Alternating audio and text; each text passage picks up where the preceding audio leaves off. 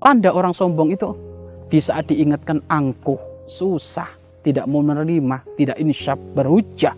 Kalau diingatkan berhujah, oh enggak, oh tidak, oh gini, oh gitu, oh berhujah. Kalau diingatkan berhujah itu termasuk adalah tanda orang som orang sombong. Kemudian tanda orang sombong di antaranya adalah dia selalu pengen di depan. Suruh jadi pengikut gak mau, suruh jadi bawahan gak mau, harus jadi ketua, harus jadi ini, harus jadi itu. Jadi pengennya jadi orang-orang di atas. Itu masuk adalah tanda-tanda sombong. Ketahuilah, orang sombong akan dihinakan oleh Allah.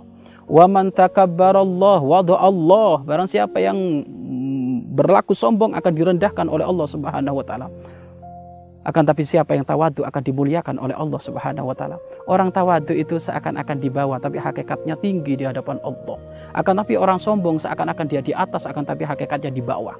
Kemudian tanda orang sombong itu suka meremehkan orang, suka merendahkan orang, tidak pernah menghargai pendapatnya orang, tidak mau dikasih masukan itu juga termasuk adalah tanda-tanda orang sombong dan hati-hati orang yang sombong tidak bakal masuk surga.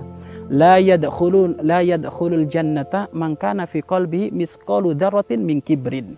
Kama qala fil hadis, tidak bakal masuk surga siapa pun dari manusia jika di dalam hatinya ada secuil kesombongan tidak bakal masuk surga. Hati-hati, hati-hati. Surga tidak layak bagi orang sombong. Surga layak bagi orang tawaduk.